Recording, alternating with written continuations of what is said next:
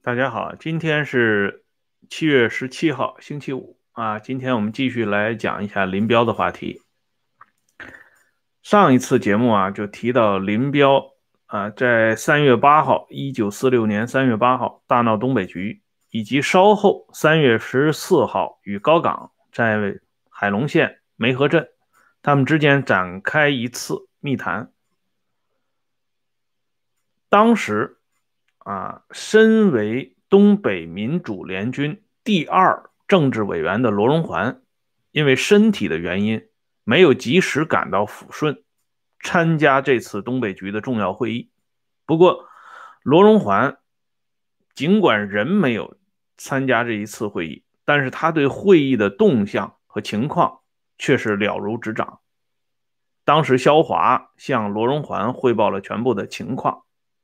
罗荣桓对林彪在会场上的表现有一定的担心，所以罗荣桓就写了一封信。这封信写的很长，写给林彪，也是写给东北局的，表达自己的真实的看法。这封信，罗荣桓委托肖华带给林彪。今天我要讲的题目是林彪为何看重聂荣臻而疏远罗荣桓。其实他们两个人最早就是林罗两个人最早发生意见上的分歧，就是从东北战争时期开始的。本来啊，林彪和罗荣桓两个人搭班子。时间没有林彪和聂荣臻搭班子时间长，况且在整个抗日战争期间，罗荣桓一直是在山东主持全局性的工作。幺幺五师在陈光和罗荣桓的带领下，整个开辟和巩固了山东根据地。在这一点上啊，林彪心里呢是五味杂陈。当然，派罗荣桓到山东去工作。这是毛的意见，是中共中央的意见，林彪无话可讲。可是幺幺五师这一支啊，这一支由红一军团衍生过来的林彪的老部队，长期啊从林彪手里啊拖出去，由罗荣桓和陈光率领啊，况且又做出了那么大的成绩，林彪的心理状态是非常复杂的。加上萧华他们啊，在这个问题上。起了非常不好的作用，所以林彪当时对罗荣桓的看法不是那么简单的。特别是罗荣桓到东北以后，他作为民主联军的第二政治委员，与第一政治委员的彭真两个人都坐镇在哈尔滨，朝夕相处。啊，林彪呢就很担心罗荣桓受彭真的影响。而且，在后来关于攻占长春这个问题上，果然彭真、罗荣桓与林彪确有战略上的分歧。这里边呢，我跟大家稍微介绍一下。一直以来有一种说法，就是说彭真是刘少奇的山头啊。这个彭真跟刘少奇之间的关系确实很深远。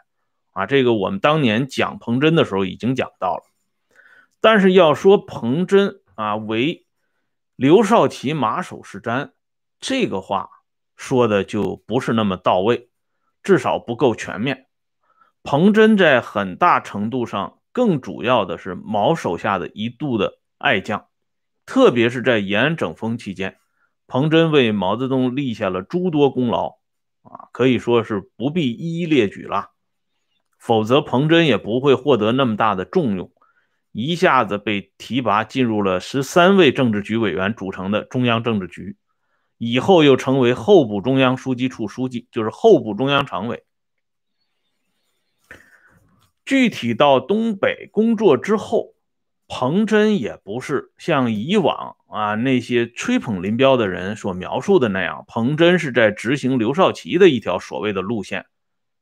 而且刘少奇也没有一条独立的在东北期间的所谓的啊工作路线，刘少奇的所谓路线其实就是毛线啊，还是按照毛泽东的意图来办理的。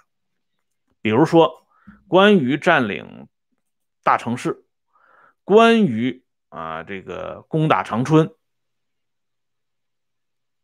等等这些意见啊，刘少奇从一九四五年十月二十三号代替中共中央起草电文，这些电文现在呢都可以查到。通过这些电文，我们知道一点：刘少奇一直是支持和同意林彪的意见的。对于林彪在东北的一些主要的看法和部署，刘少奇一直是以中共中央的名义对林彪进行支持的。反倒是彭真啊，在某些地方上啊，与刘少奇起草的中共中央电文。啊，有所分歧。当然，这种分歧都是工作上的分歧。所以从这些例子，我们可以看到，所谓的啊，林彪到了东北以后，纠正了刘少奇、彭真他们不正确的路线，这种说法是完全站不住脚的。林彪一到东北，就一直在闹独立，啊，他一直是在与彭真发生局域。只不过呢，林彪这个人表达这方面他是暗度陈仓啊，不像有的人表达的那么明确。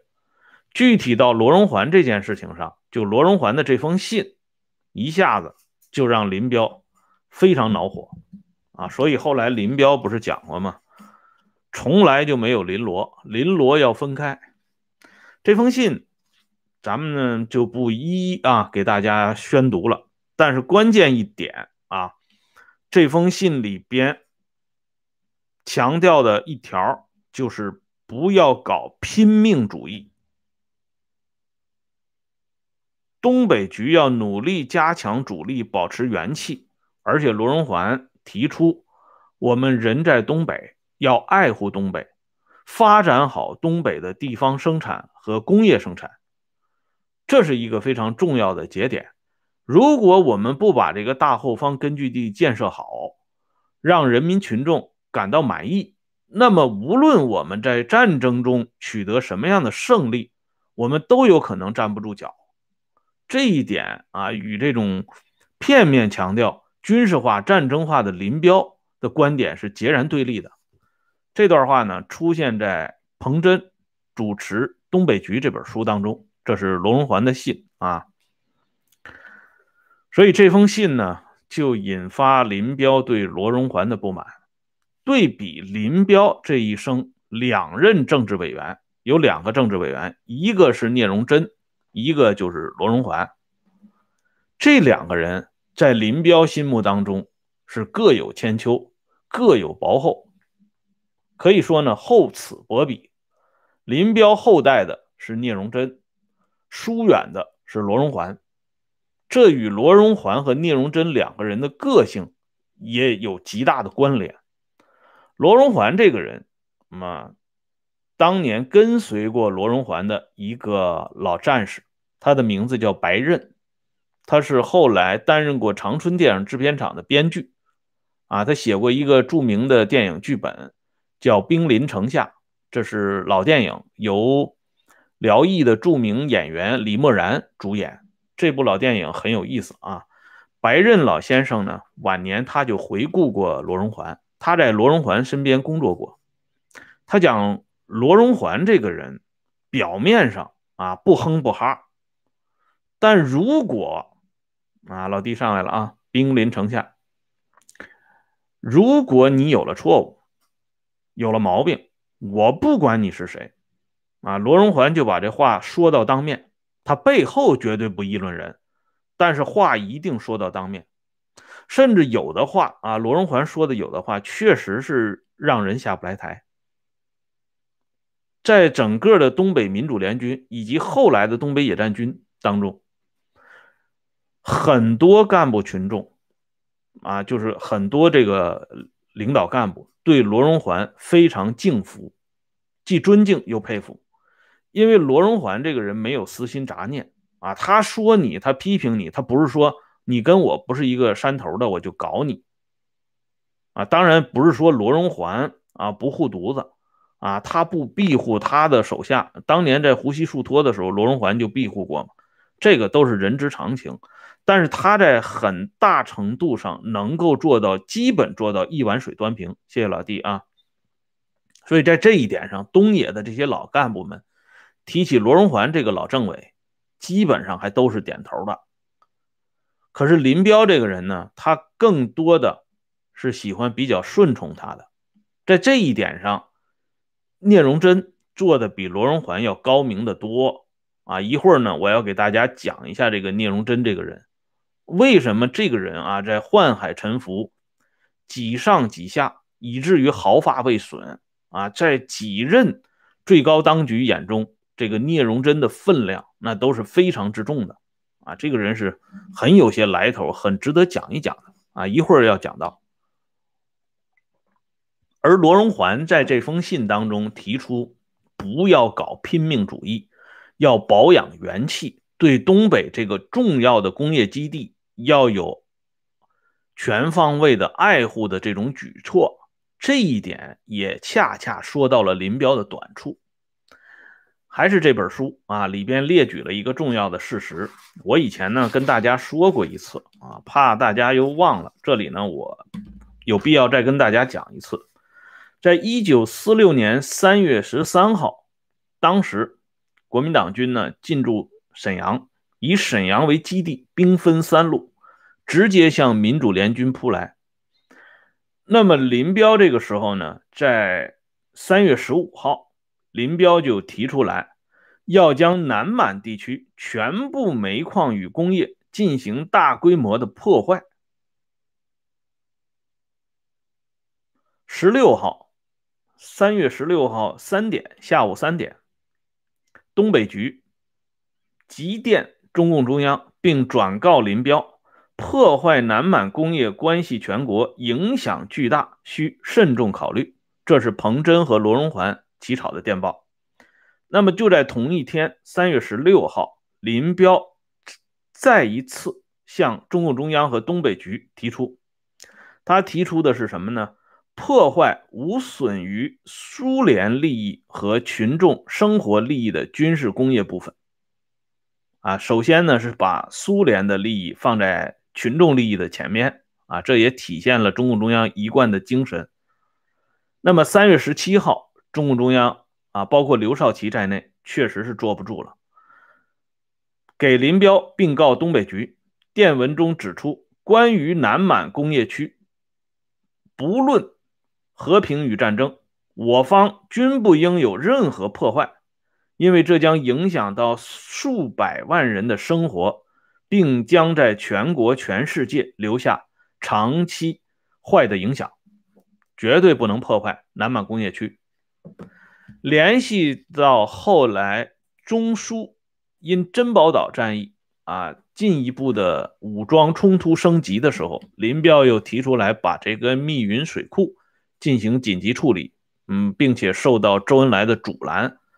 那么这一前一后。二十多年当中，林彪两次提出这种破坏民用工业，啊，以解救所谓的军事危机。那么，再回顾一下罗荣桓委托肖华给林彪的这封信，我们可以看到，罗荣桓对于林彪身上的短处、缺点看的是非常清楚，也是非常精准的。也正因为如此。啊，林彪觉得这个政治委员确实是芒刺，啊，芒刺在背，啊，因此啊，他在平津战役结束之后，林彪就有一次同聂荣臻进行了密谈，这一次密谈是发生在林彪与聂荣臻之间的事情，后来经聂荣臻的女儿聂丽之口。把这个事情前前后后的原因说清楚了。据聂力本人回忆啊，聂力的回忆当然就是他爸爸聂荣臻告诉他的情况。四野大军南下的时候，林彪动员父亲跟他一块干，到四野当政治委员，把罗荣桓给换掉，因为他跟罗荣桓不好合作。父亲当然是拒绝了，说你点一下将。要谁我都给，我却不能去，除非中央有命令。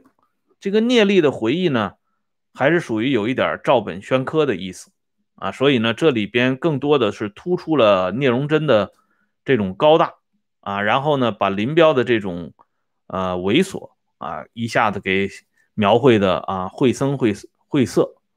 但实际上啊，我们这个具体来考证一下。这一次发生在林彪和聂荣臻之间的谈话，其实知情者不仅仅限于林彪、聂荣臻、聂力，还有一个人，他也为我们留下了足够的宝贵的旁证。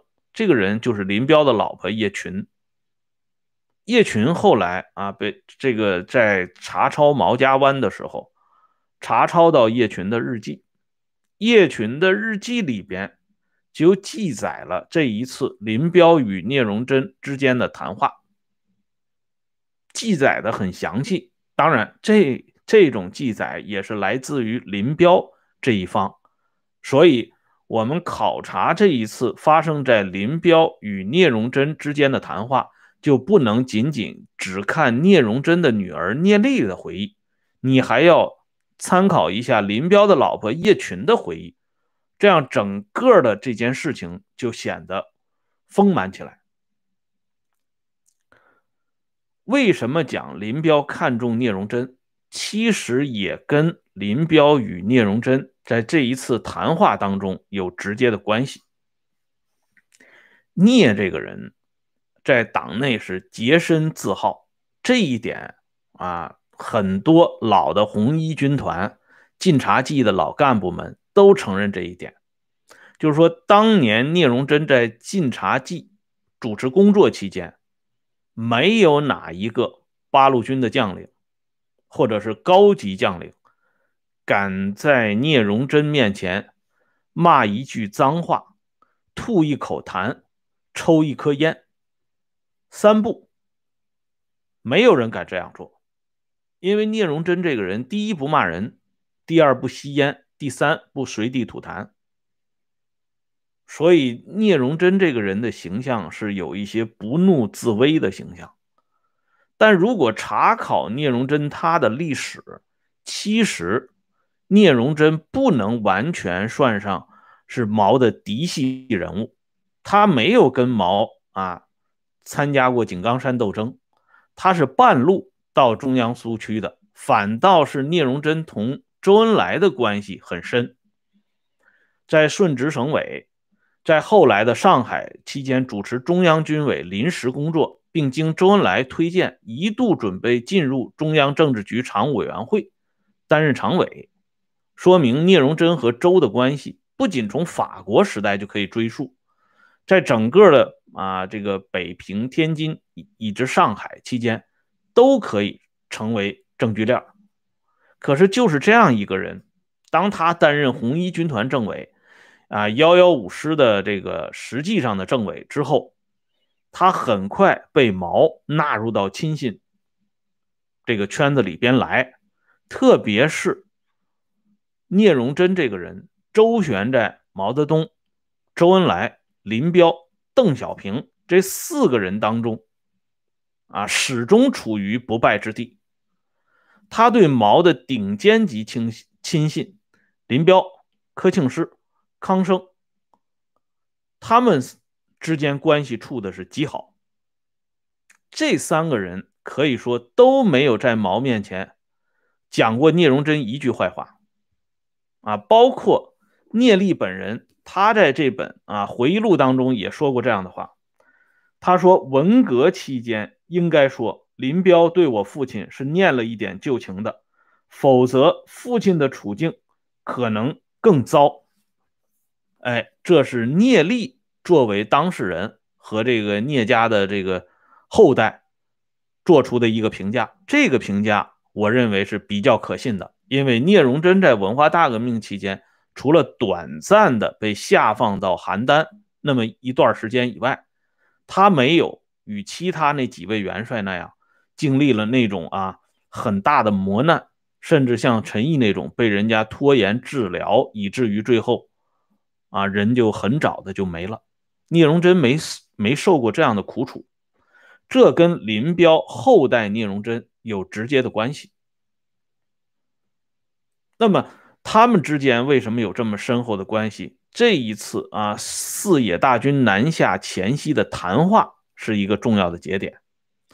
林彪当时的意见就是说，说的很清楚，你过来还是我们两个搭班子。历史上我们两个搭班子很愉快。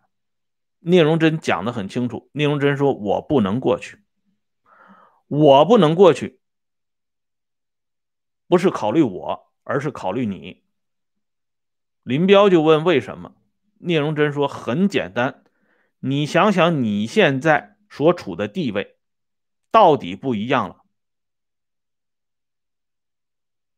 因为林彪当时手握百万大军呢，而且他主导了辽沈战役和平津战役两场战役，可以说是在党内军内功名显赫，不做第二人想。即便是朱德、彭德怀这样的人物，也要让林彪三分。林彪在中共中央，在毛泽东心目当中，当时就是头号功臣，而四野大军南下，啊，席卷大江南北，那更是后来一个波澜壮阔的事情。而聂荣臻一句话就点到了，啊，说到了点子上。谢谢咱们这位朋友啊。聂荣臻还说了一句话，这要不是叶群记载啊，我们都不知道。聂荣臻说：“俗话讲，将在外，君命有所不受。”这句话，我们共产党人是不讲的。聂荣臻的厉害之处，就是在点到为止，这一句话就把林彪给点醒了。什么将在外，君命有所不受，从来都是伴君如伴虎。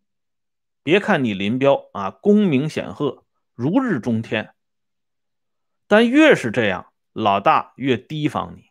你手里已经掌握了百万大军了，这个时候，监军啊，这个政治委员就是监军嘛。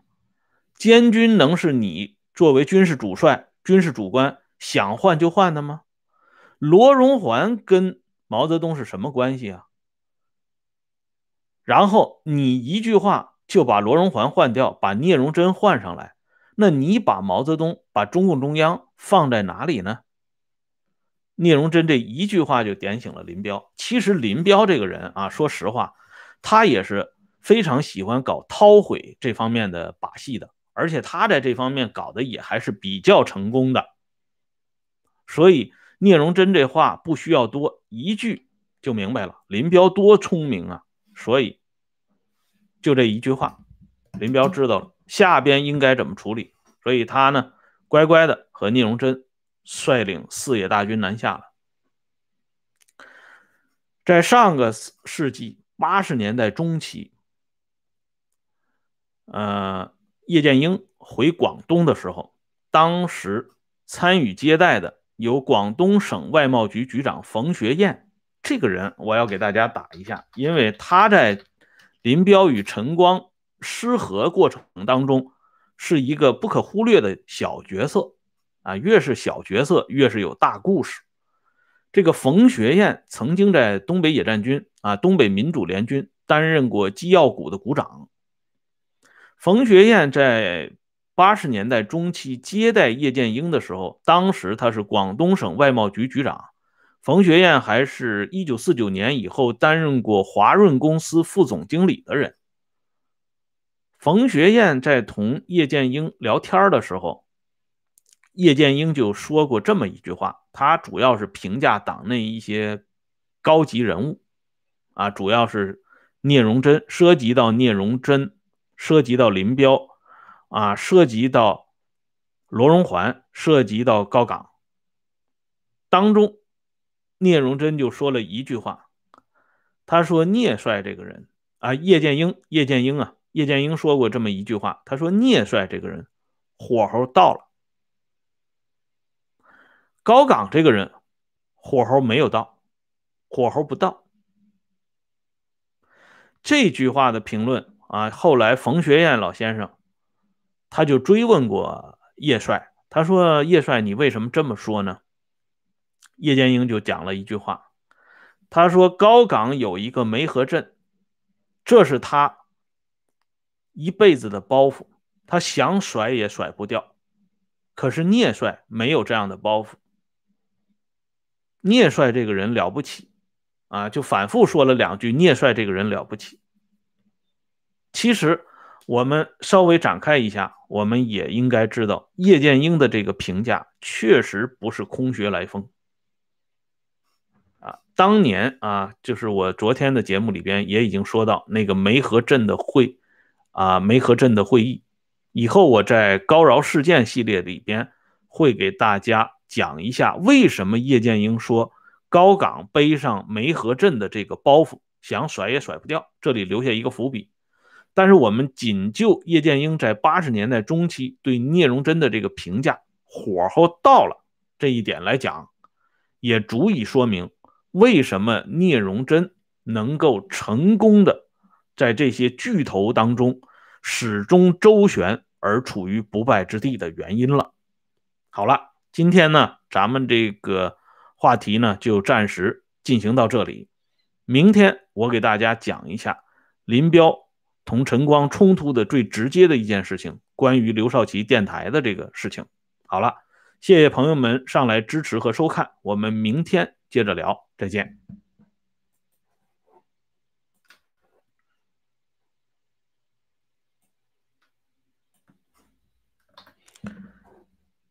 一如既往啊，欢迎大家加入温相时政会员频道啊！这个频道呢是每天都更新，讲一些呢跟大家啊比较关注的一些时政热点话题啊。如果有感兴趣的朋友们可以上来订阅收看，再见。